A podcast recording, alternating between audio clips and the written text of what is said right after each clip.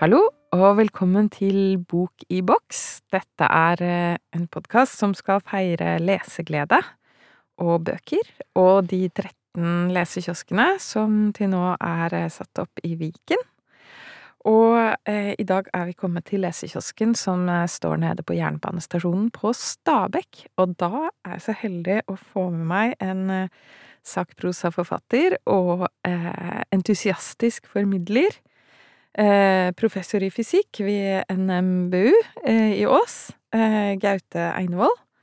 Hei, hei. Velkommen. Takk for det. Du har skrevet eh, både Hva er fysikk, og eh, også Naturens kode sammen med Eirik Knut. Ja, stemmer. Og eh, du har i tillegg en helt fantastisk podkast som jeg skal reklamere for nå. Den heter Vett og vitenskap. Mm. Og den, eh, der har du besøk av folk som kan eh, mye. Ja, for eksempel deg. det, Så da, Ja. da er det hyggelig at du kan komme på besøk hit ja, til meg. ja, tusen takk for invitasjonen. Det var fint jeg bodde på Stabekk. Ja, det var jeg kjempeglad for. Du flyttet vel dit for å komme på liksom, denne det var nok en sånn underliggende plan. Altså. Ja. Det var nok det. Subconscious plan. Ja. Men det er veldig hyggelig at du vil komme hit og mm. snakke litt om leseglede. For du må fortelle Altså, du er jo en leser, du som eh, Mhm. er professor. Mm. Må jo ha lest et par bøker for å komme dit. Ja. Men, Mm. men før det har du vel på en eller annen måte skjønt at bøker var bra. Så hva skjedde? Hvordan ble du dratt inn i bøker? Nei det, nei, det kan du si. Altså, vi hadde jo et ganske fint bibliotek på, på Ås, da. Ja, Ås bibliotek. for du vokste opp der. Vokste opp der, ja. Men jeg, og da leste jeg vel, ja, da husker jeg disse, det var noen fem sånne Hardy-aktige bøker, fem Ja. på eventyr og sånn, Ja, ja, ja. og Far til fire og en del sånne, sånne bøker, da. Men jeg vet ikke om jeg leste veldig, veldig mye. Uh, jo, kanskje, jeg husker ikke helt, men jeg har jo vært, det er jo riktig at jeg har studert fysikk, da, så det er, jeg har jo studert mye. Ja. Så da har jeg liksom lest, måtte lese bøker. Men du kan si, i, når du studerer fysikk og matematikk, så er det, det er klart du har fagbøker. Mhm. Men det er ikke en sånn derre Du som har studert idéhistorie, har nok lest mye mer flere sider. Ikke Ja. sant? Eh, Fordi at Mens vi er nok litt leser mer jo sånn- litt gøye ting. Vi leser, ja. ja. Jeg leser Shakespeare og sånn. Ja. ja. På, på studiet. ja. Nei, så her hos oss så er det litt mer å skjønne ganske kompakte fagbøker. Da. Og Ja. skjønne, og, og liksom, det blir jo mye sånn regning og, eh, på siden. Da. Men jeg har jo alltid syntes det har vært gøy med Ja, egentlig var det, når jeg husker så, så var jeg, det var, for Når du driver med forskning, så er det jo og skal liksom skal ha en jobb på universitet, så er det en sånn løype. Du skal liksom ta en mastergrad, og så skal du, i hvert fall i mitt fagfelt, da, ta en doktorgrad. Og så dra, skal man dra gjerne Jeg var i USA, i San Diego, eh, tre år som forsker. Mm. Og da husker jeg en gang hvor jeg Det var en periode hvor jeg ble ganske sli... Eller sånn trengte en liten pause fra denne intensive fysikkjobbingen. Mm. Så da begynte jeg å lese en del sånn populærvitenskap, da. Så, da og, så det var kanskje da det, dette med populærvitenskap dukket opp. Jeg har ikke tenkt så nøye over dette her, da. Nei. Men så husker jeg også faktisk på Ås bibliotek så hadde de noen sånne, sånne små bøker om litt sånn Einsteins fysikk og sånne ting, Ja. sånne, som i hvert fall fascinerte litt, da. Uten at Det jeg ble det var gøyal å lese. det var gøy å lese, og så var det også det, denne, det er jo deler av fysikken, dette med sånn Einsteins fysikk, med at tiden, at det liksom klokke, tid, klokke, hvor fort en klokke går, avhengig av hvor fort du reiser, og sånne Ja. tvillingparadoks, at du kan reise ut i rommet og komme tilbake og være yngre enn Yngre enn tvillingen tvillingen Ja, din. alle Ja. Sånne, sånne ting er jo veldig gøy. Så det er noen sånne, noen deler av fysikken som er ganske morsomme, og som har sånne rare, rare ting, da. Ja. Og det fascinerte jo litt, da, uten at det var Jeg kan vel ikke akkurat si at det var det som fikk meg til slutt til å Ja, det var kanskje lite bidrag til at jeg til slutt endte, å, endte med å studere fysikk. ja. Men og når du var i USA, fordi USA har en veldig liksom, god og sterk tradisjon på populærvitenskap, har de ikke Ja. det? Jo, og, og da var jo også den, det husker jeg også, det jeg dro til, eh, til eh, eh, til- 1994, husker jeg. Da var jeg i Boston på dette mm, MIT, Massachusetts Institute of Technology, eller jeg var på noen sånne fire uker sånn forskerkurs der. Det er et toppuniversitet. Det er et veldig bra universitet, da. Og da husker jeg at jeg, For det var jo den gangen det var før Amazon. Mm. Og da husker jeg at jeg, jeg gikk helt amok i denne MIT bookstore. Og kjøpte bøker til slutt at jeg måtte kjøpe en, eh, koffert, ekstra koffert for å få alle bøkene, Og bøkene hjem. betale ekstra for Måtte å få den igjen. Ja, det måtte det. Men det var eh, eh, For det, ja, det var jo veldig Dette med å gå inn i disse fantastiske bokhandlene var jo enda morsommere før, på en måte, da. Ja. For da Nå holder jeg mye på å bestille via eh, Amazon, da. Ja. Eh, så Men nå er det jo veldig mye Nå driver jeg og produserer den podkasten, Ja. og det er jo en eh, altså det er Utgangspunktet for den podkasten er jo egentlig ofte at jeg tar kontakt med Altså jeg leser en bok fra, som jeg interesserer meg på et tema, og så inviterer jeg forfatteren til å komme og, og, og med meg, og, eller komme til meg og snakke om boka, da. Ja. Så du har jo vært der to ganger, ikke sant, og Ja. snakket både om denne hukommelsesboka du skrev sammen med søsteren din, Mhm. og så da kreativitetsboka, Ja. som det kom nå, var det i fjor, da. ja. Så det er sånn, eh, så det er veldig gøy, da. Så da har jeg fått eh, i, Nå har jeg jo liksom lest bøker også med tanke på å ha sant, norsk, norsk populærvitenskap. Eh, Og det er jo tydelig at det har eh, løfta seg. Ja. At det har blitt veldig gode Ja, formidlere. det har det. Og det, det, det har vært en bølge nå, da, eh, med, med at det har kommet gode formidlere med, med En som var tidlig ute, var hun Kaja Nordengen men Den gjerne er stjernen. Mm. Og så, ja, så kom jo den boka om uh, dykke etter sjøhester, om hukommelse. Mm. Og så kom jo også da mange Anja Røyne, og hun eh, Dag Hessen har jo skrevet mange viktige bøker, og ikke minst hun Anne Sverdrup Tygeson, og nå Ja. er det helt sikkert noen viktige folk jeg glemmer. Ja. Men det er i hvert fall kommet en sånn bølge, da. Mm. Med, og det er mange kvinner. Ja. Det har slått meg at det er eh, Og det er eh, er det at fagene også blir eh, tatt opp av flere kvinner, eller at kvinner er mer eh, opptatt av kommunikasjon? Ja, jeg tror kanskje det er eh, Det er jo begge deler, da. Men jeg tror kanskje at kvinner har kvinnelige fagfolk har enda mer lyst til å skrive bøker. Mm. Så jeg har også hatt om bakterier med Hva het hun? Lønns... Ja, det er i hvert fall hun Lønn Ja, i hvert fall en lønn Ja, det er, en bok om bakterier, så det er en av podkastene mine. Ja, nettopp. Ja. Og liksom Anne Spurkland er jo nå på Anne toppen Spurkland, ja, ja. av Ja, med sin bok om immunforsvaret. En fantastisk Ja, for immunolog. da, ja, så absolutt. Så hun har jo skrevet egentlig to. eh, Først en Mm. tidligere bok som kom som het Immun, som Mm. var en fantastisk bra bok, men som da ikke var eh, hvor kanskje ikke Den kom solgte ikke så mye, Nei. men den var liksom helt fantastisk. Den lærte jeg så mye av, og den hadde jeg lest før pandemien. Ja, så forhåpentligvis, nå har den sett den nye boka hennes, Ja. Frisk nok, Ja. eh, eh, som da forhåpentlig også får som, som vet jeg selger bra nå, da. Ja. Så jeg håper den også får folk til å lese den andre, den tidligere boka. Ja, ja, ja. sikkert. Så, eh, så nå får jeg jo lest ganske mye gode bøker, da. Ja, Det er sant, ja, det er gøy. Og så får jeg enda mer, da, får lov til å snakke med forfatteren. For det er gøy med å lage podkast. Ja. Fordi at hvis jeg liksom, hvis jeg, hvis jeg hadde liksom deg og hadde lest den boka di, for eksempel om kreativitet, og sagt og, og, og bare liksom kom, kan ikke du bli med meg hjem, og så kan du fortelle om boka di i to timer? Så hadde det vært litt rart, da. Nei, det hadde vært koselig. Ja, det hadde vært koselig, men det er hvert fall det er ikke noe jeg gjør overfor fritt, fritt uh, altså ukjente forfattere, da. Det vil i hvert fall være. Men å si at nå har jeg lest boka di, kan du komme hjem til meg og Fortelle om det. den. Ja, på podkasten, så er jo det Da kommer jo folk, da. Ja. Og så har du, ja da, så det er, får du jo Det er jo blitt en del lyttere etter hvert, da. Så, Ja. Mm. ja, det er en viktig måte å formidle på, tenker jeg. Og så er det lettere altså Jeg skriver jo mye i jobben min, eh, Ja. jeg, syns Du vet jo sikkert Jeg husker eh, veilederen min. Han sa at jeg skjønner hvorfor forfattere drikker, da. For det, det er jo veldig mye jobb å skrive. Ja. Og det er frustrerende, og, eller det er liksom hardt, hardt arbeid, da. Mm. Så jeg skriver så mye altså sånn fagartikler Ja. og, sånn i, og også noen fagbøker og sånn i jobben min, eh, at jeg syns det er fint å kunne formidle via en podkast. Ja.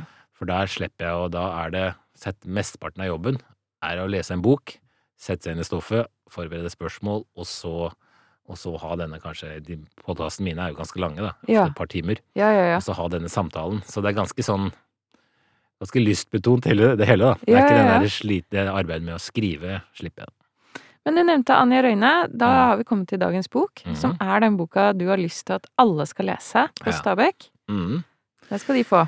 Den skal de få. Og den heter eh, Menneskets grunnstoffer. Ja. Og den kom ut vel for 2018. 2018. Ja.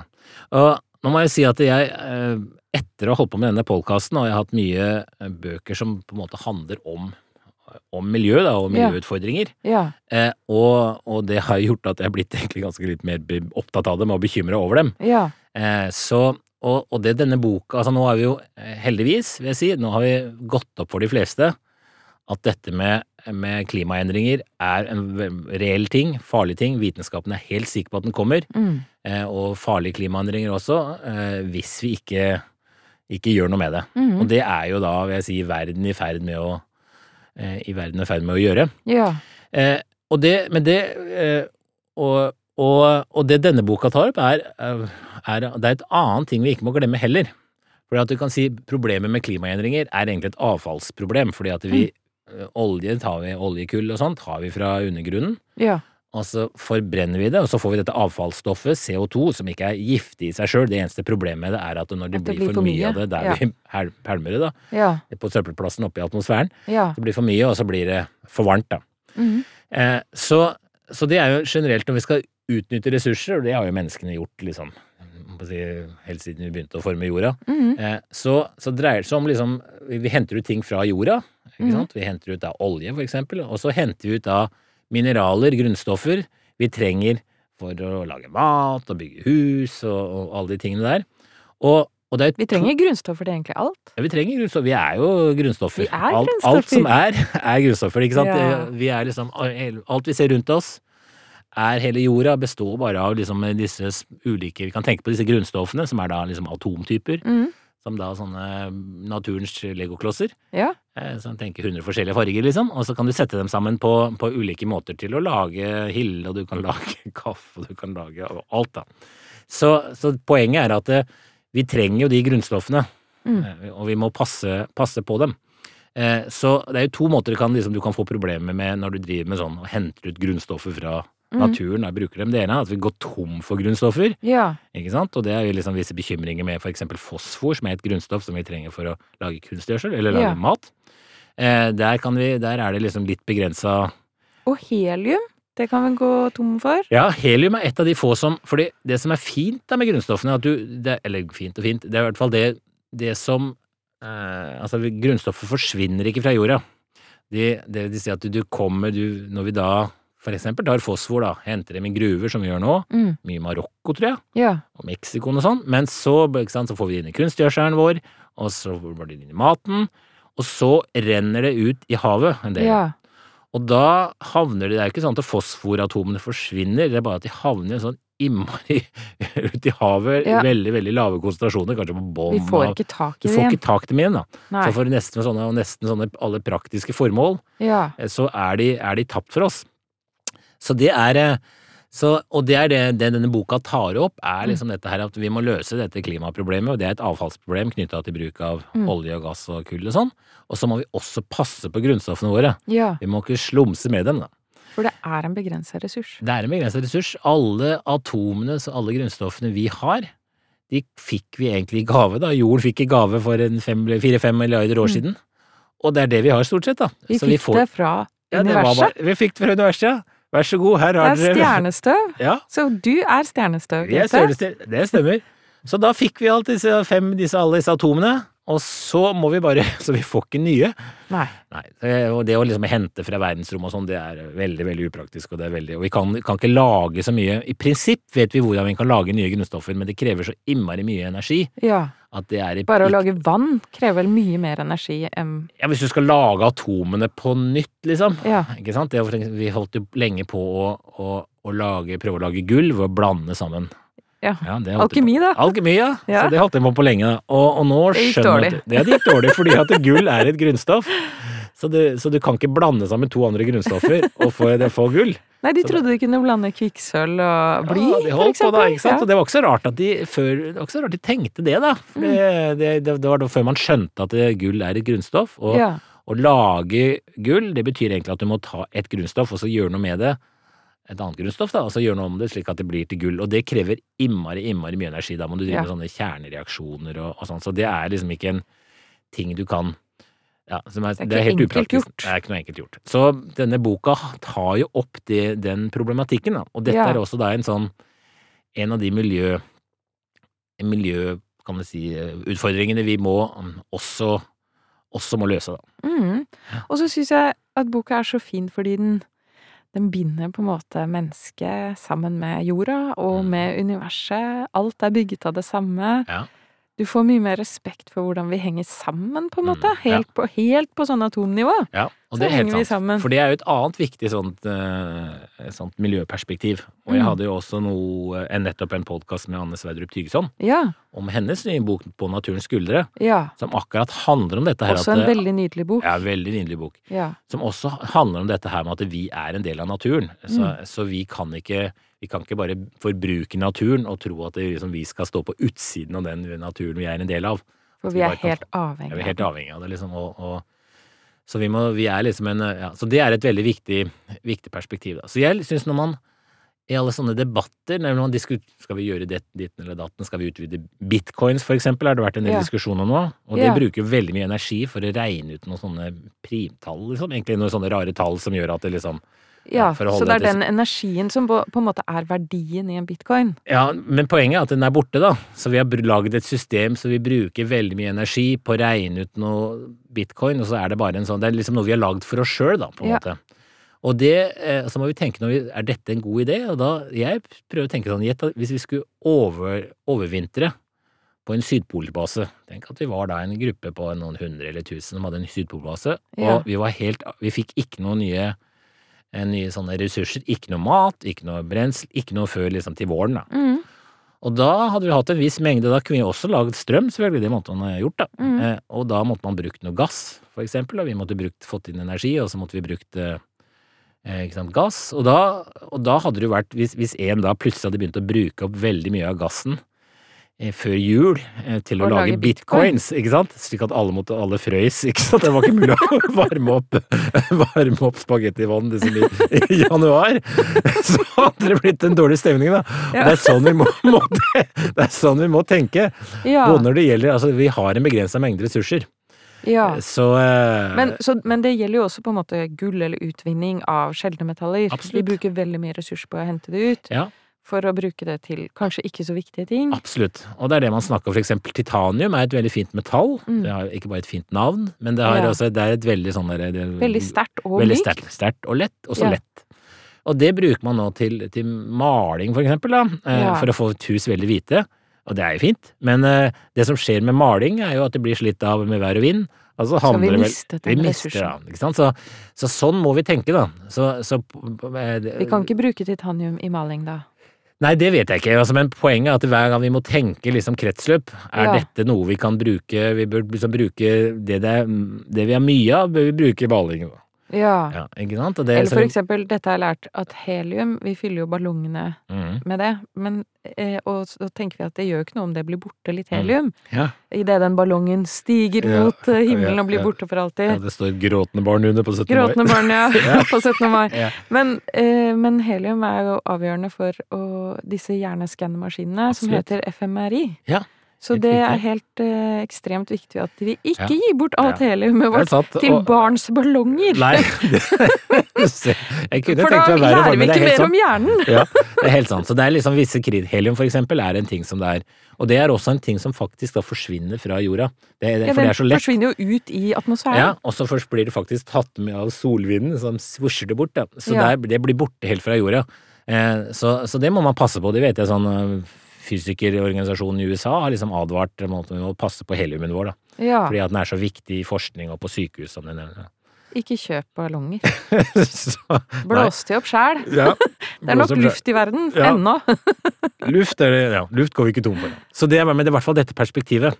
Ja. At, eh, og derfor er det, og jeg håper jo også da, at, at vi må tenke Det blir som den nye nye, ja, nye sånn, må alle, sånn må politikere tenke, alle vi mennesker, og derved også politikerne vi Ja. velger, ja. må ha det perspektivet i, i hodet. At, eh, Et langsiktig perspektiv. ja, at vi, vi skal hvis, hvis, Ja, det syns jeg det kunne være interessant å spørre for eksempel statsministeren om. Da, hva er hennes visjon for hvor mange skal vi være Hvor lenge skal menneskeheten være her? Skal vi være, hvor mange skal det være i Norge om tusen år? Ja. Altså hvis du legger det, hvis du tar et sånn tusenårsperspektiv, for eksempel, at jo, eh, så, så hva, hva, hva, hvilke valg ville du gjort da? Hvis Ja. du, eh, eh, hvilke valg vil du gjøre hvis det er perspektivet? ja. Og da tror jeg man får, da kommer man mye raskere inn i den tankegangen at, at vi har en begrensningen er ikke egentlig liksom det vi kaller økonomisk vekst. Begrensningen er atomer, ja. og hvor vi skal gjøre av søpla. ja. Eh, og, da, og, ja, og da tror jeg heller ikke liksom dette perspektivet med at vi må bli flere. Ja. For alle ting blir lettere å løse. Eh, så, Hvis vi så, ikke er så mange. så jeg har en litt sånn Ja. visjon at kanskje, hvis vi nå går vi mot 7-8 milliarder eh, Ja. eh, Hvis vi da kunne for eksempel da isteden altså hvis, hvis målet mitt er at Hvis visjonen er at alle som lever på jorda om 1000 år, skal ha bra liv, Ja. så er det ikke, i hvert fall ikke for meg så veldig viktig om det er 100 millioner eller, eller 10 milliarder. Og det er Nei. mye lettere at alle som da For ja, alle som faktisk lever på jorda, eh, kan ha muligheten til å ha et bra liv. Ja. Og da vil det da vil det være en veldig fordel at vi er Det er mye lettere å få til det hvis vi er færre. Ja. Så en sånn visjon eh, Ettbarnspolitikk over hele jorda. Ja, vi har jo både, både Du har vel ett barn, Ja. og jeg ett barn, så Ja. vi burde egentlig fått en pris Jeg føler også det. ja, og det er faktisk.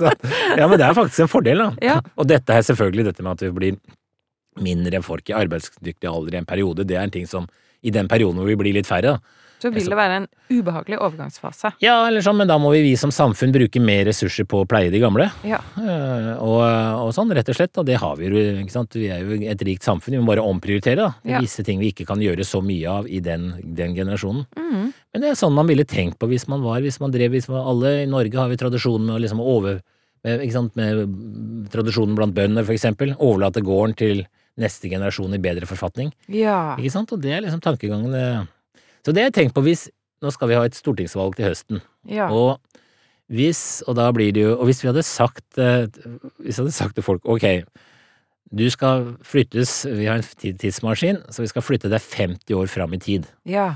Men det gjør vi dagen etter stortingsvalget. Så, så hva slags parti eh, Hva slags parti vil du velge hvis du vet at dagen etter skal du flyttes 50 år fram i tid? Og da Og det var en veldig gøy eh, Ja, hva- ja. Ville man tenkt, ville man valgt det samme? For det er jo en ting som liksom da Da vil man måtte sette til side en del kortsiktige behov og Da vil du tro det. For at det der, ja, vel i hvert fall det at ja, ja, for det vi heller, da vil heller at de der folka som er igjen nå, de må ta liksom en litt belastning med å Slik at det blir ok også for oss om 50 år, da. Ja, ja, ja. For de som, vi som skal fram 50 år i tiden, at det er noe ikke helt. Så det er et sånt eh, Dette perspektivet der er jeg jo blitt veldig opptatt av, egentlig. Dette Ja. med å Vi må ha noen sånne Jeg hadde også på podkasten min med, med han eh, Ingebrigt Sten Jensen. Skjønner Mye av de inputene jeg får, får jeg ved at jeg har en podkast. Liksom. ja, ja. Men han snakket om dette med å ha en visjon. De jobber jo med det med visjoner for, for organisasjoner og sånne ting. Og hva slags visjon har vi for Norge og verden? Og jeg tror Mm. liksom, hvis visjonen er at ok, om ja, for eksempel om 1000 år, eller kanskje vi skal si om 100 år, ja. 200 år, så skal vi, så skal alle, vi skal ha det, de, de som vokser opp da, skal like bra muligheter. Ja. Eh, og da er jo dette med at vi blir færre, Ja. det vil gjøre det lettere da, å få til det. Så det at vi når norske mødre får eh, 1,5 barn slik at vi går ned, liksom. Mm. Nå er det jo dette med innvandring og sånne ting da, som kompliserer det litt, da. Mm. Men hvis verden liksom kunne gradvis bli færre og færre, ikke bare st- stagnere, men bli færre, så ville de problemene bli, eh, bli lettere å løse, da. Ja, ja, ja. Hmm. Og at man eh, Og at vi bruker av jordas ressurser med en type sånn ærbødighet, da. Absolutt. Ja. Jeg tenker, Som... Dette har jeg tenkt i det siste. Eh, datteren min var så veldig opptatt av sugerør. Mm. Fordi hun er seks år. Det er det kuleste. ja er å drikke med sugerør. sugerør. Ja. Og det er jo laget av plastikk. Mm. Så der ga jeg henne noe som hun seinere må slite med. Fordi plastikken havner i havet, Ja. ødelegger for livet i havet. Mm. Ok, så jeg bidrar altså ved å gi henne noe nå, her Mm. kortsiktig gøy nå, Ja. bidrar jeg på lang sikt, for det tar jo 100 år før det er brutt Ja. ned ordentlig, og det blir Ja. til mikroplast, det går inn i Mm. kroppen igjen, Mm. øh, forstyrrer hormonbalansen hos Ja. barn, og så videre. Det er så kortsiktig glede, og Ja. så langsiktige konsekvenser. Så det ble slutt på Ja, sugerør hjemme hos oss. ja, det ble Ja. Vi fikk glassugerør isteden. For, ja, for poenget er jo at det, vi er jo veldig opptatt av langsiktige ting når det gjelder? Eller barna våre er vi Ja. veldig opptatt av at de skal ha en langsiktig mulighet. ikke Ja. sant? Og, så dette må ha, det er bare at vi, vi må liksom greie å tenke langsiktig, ikke bare med, innenfor vår familie, eller kanskje vårt, gården vår, Ja. eller liksom tettstedet, men også tenke, tenke litt større, da. Eh, at Det er jo det- veldig vanskelig for hjernen å ta inn at vi er del av noe større enn Ja. kanskje en Mm. landsby på 150 ja, mennesker. det er For det er det vi er laget for, egentlig. Det er veldig sant. Det er da man liksom trenger denne abstraksjonsevnen å kunne Ja, både at vi da Nå har vi jo blitt, heldigvis, da, blitt eksponert for Vi, ser jo liksom hvordan Vi ser jo massevis av filmer og reportasjer om, om personer på andre, deler, andre sider av verden. Mm. Og det, det som slår oss mest, er jo hvor like de er, egentlig. Altså Mhm. det, det, det mødre og fedre i Kuala Lumpur eller i, ikke sant, i Angola er opptatt av mye, er jo bare ikke sant? Barna skal få det bra og, og sånne ting. Så vi er veldig like, heldigvis. Vi har mye av de samme, samme Ja. verdiene, og det er vi blitt klar, mer klar over, da. Så vi Ja. er jo liksom eh, Og så må vi da stole mer på vitenskapen, og det håper jeg jo at denne pandemien har lært oss, da. For Ja. det var jo at vi noen ganger, hvis ikke hvis vi ikke tar liksom eh, Altså, vi har jo heldigvis har vi fått en, en, en utvikla en veldig solid vitenskap. Eh, ikke sant? Vi har jo veldig god forståelse av ganske mange, mye av de viktigste truslene vi står overfor. Mm. En av pandemiene, det var jo en varslet, varslet krise. Ja. Eh, og, og de tiltakene vi satte i gang med, var jo fullstendig kan si, ville regne for et par år siden som fullstendig urealistiske. Ja. De, det kan vi ikke gjøre, liksom, men det viser må du, så må du. Og, Ja. og tilsvarende håper jeg da at folk da våkner opp og, til å skjønne at dette med disse, disse krisene vi står overfor, det er liksom klimakrisen, og vi må passe, på grunnstoffene våre, og så er det sånn arts, eh, artsmangfoldkrise. eh, For det er bare da- 1 av alle dyr på jorda er ville dyr. Ja, det er veldig, i hvert fall når det gjelder sånn pattedyr og sånn, så er det nesten alt vi har er Som liksom er kuer er- og griser. Ja, og mennesker. Og mennesker. Utgjør en del vekt vi gjør, skjønner du. Ja, ja, ja. så, så vi må liksom tenke Så det, det perspektivet må inn. Så det håper jeg da Så det håper jeg alle Hvis jeg kan gjøre drive litt sånn politisk valgkamp og si at jeg Ja. håper at alle at sånn, Når de velger eh, til høsten, Mm. at de da velger eh, stemmer inn politikere som har det perspektivet. Som tenker tusen år frem i tid. Ja. I hvert fall eh, Ja, i hvert fall 100 år. Gjerne 1000 Ja. år, men i hvert fall sånn at de, at de må Men du som er fysiker, jeg, Mm. jeg, jeg, jeg Kanskje jeg misforstår, men Mm. jeg oppfatter jo at faggrensene er sånn sterke. I, men Mm. kanskje de ikke er så sterke lenger? Er dere i ferd med å ja. Du er jo i hvert fall en veldig tverrfaglig forsker Ja. selv, som Mm. jobber med hjerneforskere, ikke sant? Ja, ja. Og som er opptatt av klimaspørsmål og andre fagdisipliner, da. Mm. Er, det, er det en trend blant uh, naturvitere at dere blir mer åpne for andre det- perspektiver? Det kan nok godt hende at det er en uh, Det er i hvert fall Jeg tror dette med formidling Mm. At det Før var jo det liksom det å, å formidle sin Det var litt sånn jantelov, det å, bli invitert og? Da var det litt folk var Da var det liksom bare den fremste i landet som skulle få lov til å uttale seg om en ting. Oh, ja. liksom. Det var liksom det Du måtte ha nobelprisen ja, for det å si var liksom litt sånn, da. Og nå har man skjønt at nå er jo mange av de Hvis du ser på de, mange av de fremste formidlerne, og viktigste formidlerne, eh, er jo eh, er jo Jeg er jo ganske senior, Mm. eh, og, men det er jo også mange av de viktigste formidlerne som er yngre, og også tidligere, kan du si, sånn karriereløp, akademisk karriereløp enn eh, eventuelt akademisk karriereløp. Så Mm. det er en ting man har skjønt, da, for altså, formidling må alle gjøre. Du trenger ikke være den fremste eksperten for å formidle. Eh, Mesteparten av det jeg formidler er jo ikke helt fra den siste Altså det er jo mer en sånn, sånn som denne boka til Anja Røyne. Ja. Det er jo en ganske sånn Dette er ikke fra den Ja, det er på en måte fra den siste forskningsfronten, men det er ikke, dette er en bok som eh, som først og fremst oppsummerer det hele vitenskapen har funnet, liksom. Ja. Hun skriver ikke bare om, om det du akkurat sjøl har funnet. Hun Nei. forsker jo litt på sånn med, med sant, noen av av dette her, men Ja. bare et bitte lite aspekt. Og sånn er det for de fleste. Veldig Mhm. med mesteparten av det jeg formidler, handler ikke om det jeg sjøl har funnet ut. Nei. Du må Så- ikke være ekspert for å formidle. Nei, du må i hvert fall du må kunne, du må kunne sette deg inn i Sette deg inn i fagområdet, og, men, men det handler først og fremst om en, en vilje, da. Ja. Og det er det flere som har, og det, og det må jeg si at jeg har ikke opplevd noe sånn eh, noe sånn negativt med at, det liksom, eh, med at denne, denne formidlingen Alle heier på det, Ja. i også av mine kolleger, vil jeg si. Altså. Ja. Jeg har ikke opplevd noe sånn skuling av den grunn. Ikke mye, i hvert fall. Jeg ikke, kanskje jeg ikke legger merke til det. Ly- Lykkelig vitende. Kanskje bare altfor naiv. Ja. Han så litt rart på Ja, meg. men det var sikkert en gratulasjon. Kanskje han skjeler. ja. Det er sant, da. Men jeg tror i det hele tatt så er dette med, å- med formidling, at det er en, en viktig del av fagfolks oppgave, det er blitt mye klarere. Det er liksom Ja. sunket litt mer inn i kulturen, da. Spesielt ja, ja. Blant, de, blant de unge. da. Og så er det veldig gøy da, å formidle. Ja, hvorfor det?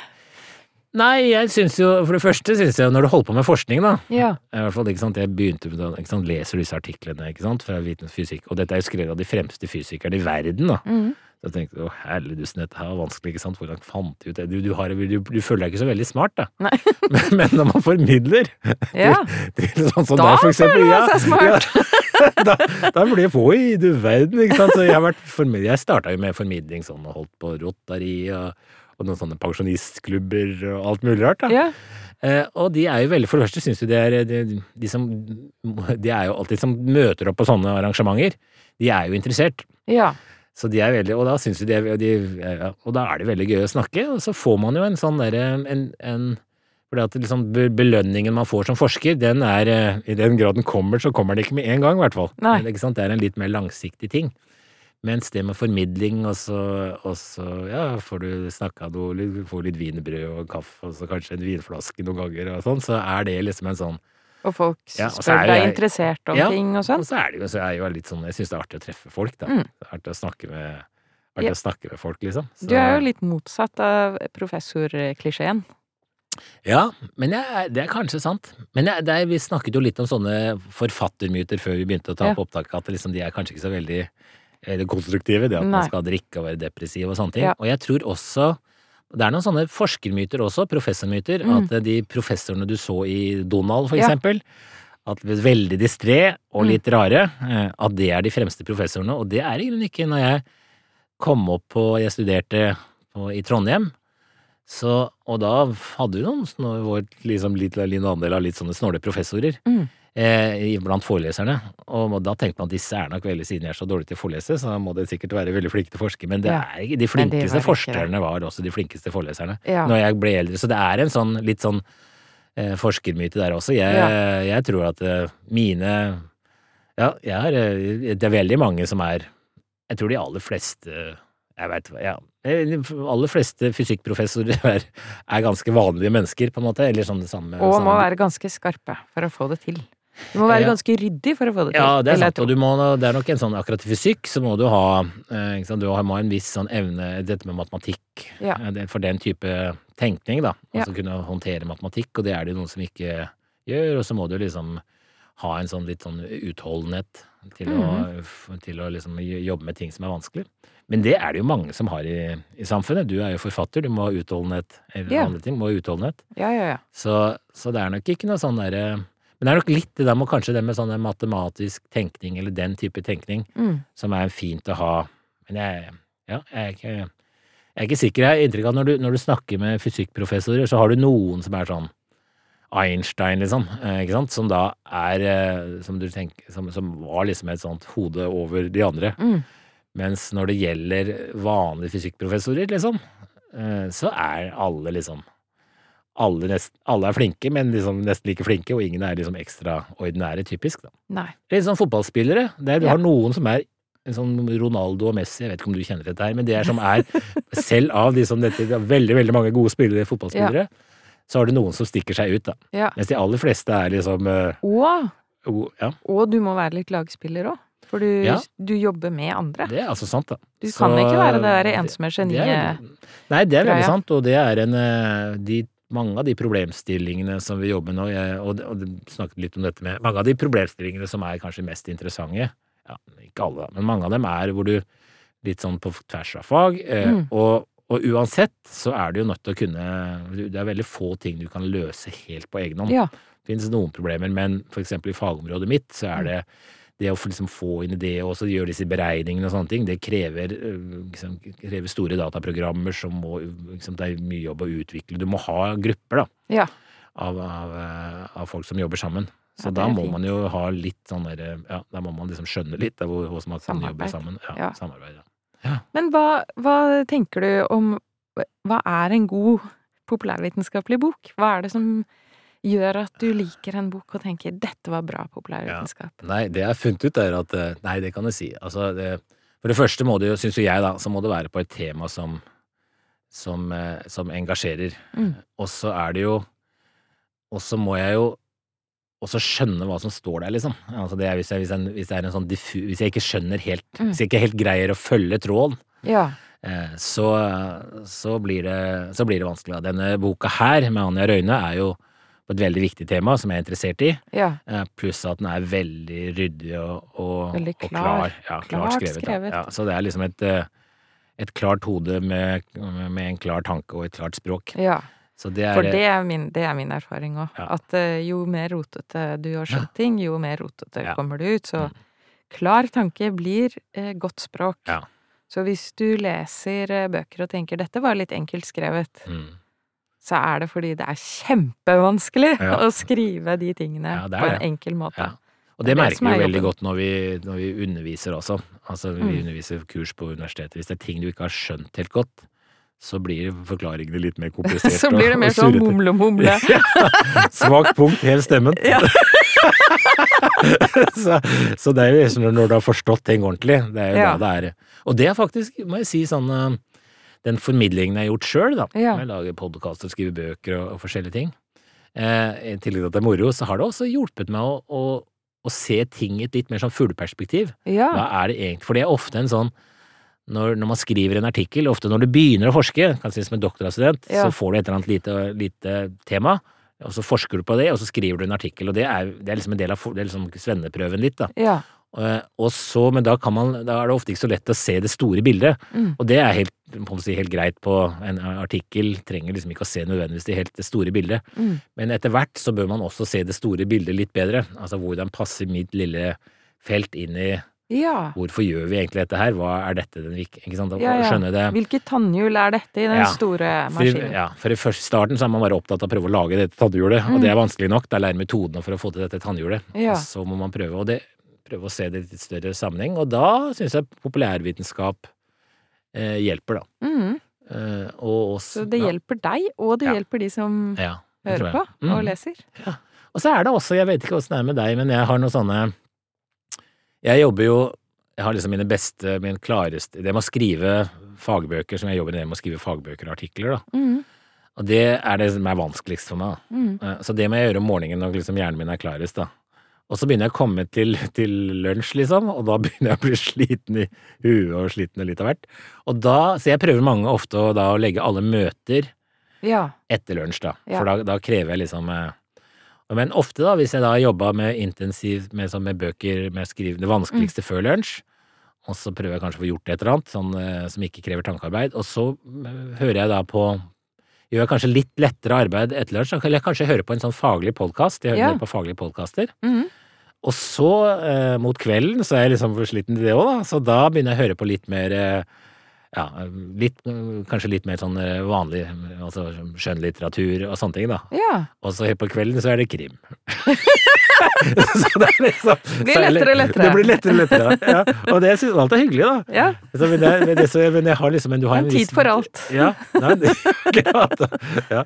En tid for alt, ja. Så det er en sånn eh, Så jeg har liksom et, funnet ut liksom med Det er en ganske innholdsrik dag, bare det, da. Ja, det er jo det. Det si. Men, eh, men ja, det er ikke alltid Noen ganger ser jeg bare på Netflix òg. Altså det, det Ja, ja, ja. Kveld, på den derre etter eh, kvelds, kveldsgreiene kan være mye rart, da. Ja. Fotball og Da er det veldig lav terskel. Ja, det er lav terskel, så det er whatever, altså. Så, sånn, ja. Men det var lurt tenkt. Det, det er sånn for meg òg, men jeg er sånn morgenmenneske Ja. som deg, da. Ja, for det som slo meg, var liksom at vi har, vi har dette arva dette med at hvis du ikke greier å jobbe Du skal liksom jobbe åtte timer, da, eller sju Ja. timer. Det er liksom sånn Henry Ford, at du står langs samlebåndet. Men når det gjelder sånt arbeid som vi gjør, da, så er jo ikke det du, du kan jo ikke holde Altså, jeg greier i Det hvert er fall ikke ingen det. som kan gjøre det i åtte timer. Men da går man bare Så før var det liksom Å, nå har jeg en helt dag, åtte-sju timer, nå skal jeg virkelig få jobbe med boka. Ja. Og så starta jeg ut friskt, og så liksom dabba det ut, og etter lunsj så bare følte jeg liksom sånn derre ja, Ikke sant? Selv, Hva skal man gjøre nå? Ja. Self-disappointment, var det som Ja. skuffer det. Da er det fem timer med Ja. skuffelse Ja, over en ja, selv. selv. Selvforakt. Ja. Så det er liksom skjønt at nå er det hvis jeg greier å jobbe tre timer, da. Ja. eh, en, eh, så da erklærer jeg seier, da. Så Ja. tenkte jeg jøss, nå kult, nå kan jeg ta lunsj, og så kan jeg Ja. gjøre noe lettere etterpå, da. Ja. Det, jeg- jeg, jeg- tror jeg aldri har sittet sånn og skrevet sånn intensivt mer enn fem timer. Nei. Og det er mer enn Ja. nok. For du skal jo tenke alle de tingene òg. Ja, og så er det det å sitte og formulere. Jeg vet ikke hvordan du er det, kanskje. For meg er det jo Det er jobb å formulere, syns jeg. Det er en jobb å Ja. formulere. Mm. Og du må vite nøyaktig hva det Ja. er du skal si. Mm. Ja, det er sant. Det må være klart tenkt. Ja, så jeg må tenke gjennom det på forhånd, og så skriver jeg punkter, og Ja. så skriver jeg det ut etterpå. Jeg vet ikke, det er Mm. sikkert forskjellige Ja. forskjellig. Jeg kan ikke liksom formulere og tenke gjennom hva jeg skal si samtidig. Altså, jeg må først tenke hva jeg skal Å ja, det kan jeg faktisk. Ja. Ja. Nei, for jeg må liksom ha punktene først, og så liksom det er det jeg tenkte å si her, det jeg tenkte å si her, og så tar jeg liksom formuleringene Ja. det, om, det kan jeg gjøre om kvelden, da. Ja. Og så tar jeg liksom formuleringene om uh, Formuleringene og skriver det ut ordentlig om morgenen. Ja, ja, ja. For da da liksom hodet er helt på. Ja, i hvert fall For det er det jo, altså. Du har jo sovet, og du har renset eh, hjernen for Ja. tau, som er dette ammonide plakket. ja. Hjernen Men det er jo litt forskjell. sånn Noen er jo, noen er jo B-mennesker, da, så de kvikner jo til om, eh, om kvelden og skriver da. Det, har jeg, det kan ikke jeg gjøre, da. Men eh, du vet, i England så snakker de ikke om A-mennesker og B-mennesker. Det snakker de om da tea Nei, people bare- and cricket people. Nei. Det er, en, det er ikke en egenskap for deg. Nei. Så du er bare Oh, you were an early bird today. Ah, ja. Men du er ikke en A-menneske. Ja. A som i bedre enn B-menneske. Dårligere. Nei. I Norge, jeg tror det er sånn protestantisk etikk som ligger Ja, det bak tror det jeg er der. riktig, altså. Så jeg måtte forklare dette til mannen min, som er Ja. britisk. Han Ja. skjønte ikke hvorfor vi snakket om de A-menneskene og B-menneskene. Nei, det er jo sant. Eh, For det er kvalitetsmessig bedre å være A-menneske, selvfølgelig. Det vet vi jo. Ja, er det det? Ja, A. Det kommer jo før B. Ja, det, ja, sånn ja. Ja, det høres bedre ut, men Det- egentlig det- er det jo riktig at det liksom, du må jo jobbe den tida når du kan, i hvert fall. Ja, ja, ja. Så hvis du er mer effektiv om kvelden, så, Så er jo det bra òg, ja, så det selvfølgelig. er kjempefint. Altså. Men det er noe sånn kulturelt at vi kaller sant, det Jo, men det det. er noe sånn protestantisk, kan ikke ligge og dra deg om morgenen. Men nå suste vi rett inn i den boka du har lyst til å lese Ja. Mm. nå, for den handler om Morgenstjernen. Mm. Ja. Eh, Den håper du at du finner i Stabekk lesekiosk. ja, det hadde vært fint. Ja. Så altså det, eh, det er en bok av en, vel den siste boka til Knausgård. Mm. Karl Ove Knausgård. Og jeg har jo veldig Altså, jeg har jo hørt på alle disse bøkene hans, da. Eh, og, og det er jo noe Jeg syns det er noe fascinerende. For det første er det jo en, en, en forf... Han skrev disse Min Kamp-serien, da. Mm. Eh, som forresten ble veldig Apropos Jeg hører på stort sett på populærvitens, eller populærvitens skjønnlitteratur med lydbøker. Ja. Eh, og den ble så innmari bra lest inn. Ja. Jeg tror Anders Ribu, eller hva han het. Altså. Ja. Så det har veldig mye å si. ja. Så det er jo mange flinke innlesere i Norge, da. Men, uh, så det, så jeg liksom uh, så når, jeg En god stemme er bra. ja, ja, bra lest inn, liksom. Når jeg tenker Knausgård, så tenker, hører jeg liksom Anders Ribu lese, da. Men og, og det var jo en veldig sånn Han skriver jo så nesten så forførende godt, da. Men han skriver jo også på en måte fra en mye som en sånn Han er jo nesten jevnaldrende med meg. ja. Så for meg er det liksom dette med gutt å vokse opp i, ikke sant, på den tiden. Eh, og, så, og så har han jo disse, noen ganger disse kompliserte essayene som er fletta inn der, da. ja. Som noen ganger kan være litt overveldende. Men det, det som jeg likte med Morgenstjernen, da, det er altså dette det er jo Som gjør roman- at du vil lese den. Ja. Det, ja, som gjør at du vil lese den. Det er, nå har jeg bare lest anmeldelser og sånn, men Ja. at det er, en, det er jo en romanbok. Men det handler jo om denne, denne morgenstjernen som da plutselig dukker opp, som er noe som er liksom noe sånn helt nytt, som er på tvers av liksom det trygge. Ja. Som jeg har forstått det, at her er det et eller annet med liksom vi ikke har kontroll på når det gjelder naturen. ja. Og, og så og så er det som er hvordan skal man, hvordan skal man forholde seg man? til det? Ja. Og det er jo litt en sånn, litt sånn eh, analogi i forhold til dette med pandemien som vi heller dukket opp, vi ikke hadde kontroll på, og andre miljøkriser som kan, kan dukke opp, da. Det minner meg, eller bare, for jeg har ikke lest boka selv, Nei. jeg har lyst til å lese den selv også. Mm. Den, da, kan vi snakke, da kan vi ha lesesirkel på den. det kan vi gjøre.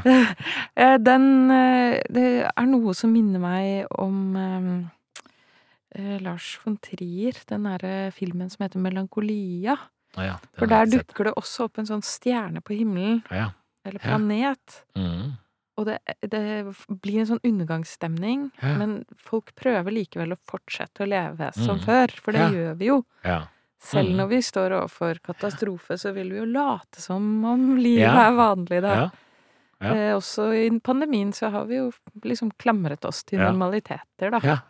Men der har vi jo alltid Ja, det er sant, vi har gjort det. Eh, Selv om vi da har, de aller fleste, i hvert fall jeg, da har trodd at dette går over. Vi vet ikke helt Mm. når. Så vi vet at det er noe i andre enden. Ja. Eh, Men, eh, men jeg syns det er en ganske sånn interessant eh, Det høres interessant ut, da. Ja, ja, Og så skriver han jo så godt da, at jeg får i hvert fall en sånn, i hvert fall en, sikkert en fin, fin historie. Da. ja, det er det nok garantert.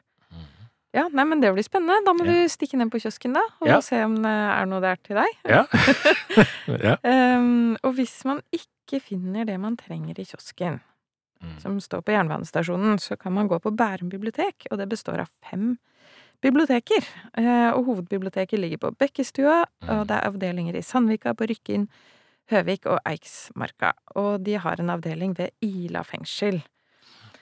Og det er masse kulturelle arrangementer der. Mm. Eh, Jeg har vært selv, der en gang og snakket om. Ja, jeg har også Ja. vært der og snakket om um, naturens kode, var det- vel? Mm. Ja, og de tilbyr babydans og barselgruppemøter og lesestunder barnehagebesøk, klassebesøk, foredrag, litterære samtaler, popquiz og bokprat. Og samarbeid med lokale foreninger, og eh, det har vært mye digital for, eh, formidling i det siste også, så man kan se strømmede arrangementer der. Så eh, jeg vil anbefale å sjekke ut Bærum bibliotek. Du Mhm. er der sikkert ofte? Ja, jeg var der nok mer før, eh, da datteren var liten, eh, Mm. Ja. og sånn, da. Men, eh, men absolutt, jeg har vært der, har vært der ganske mye. Ja. Så et fint bibliotek, og på, spesielt på Bekkestua har jeg vært, da. Ja. Det er det som er nærmest Stabekk. ja, det er veldig fint der. Mm. Men eh, takk for at du ville komme, Gaute. Det var en sann glede å snakke med deg. ja, tusen takk for invitasjonen, det var veldig hyggelig. God bok, alle der ute. Ha det bra.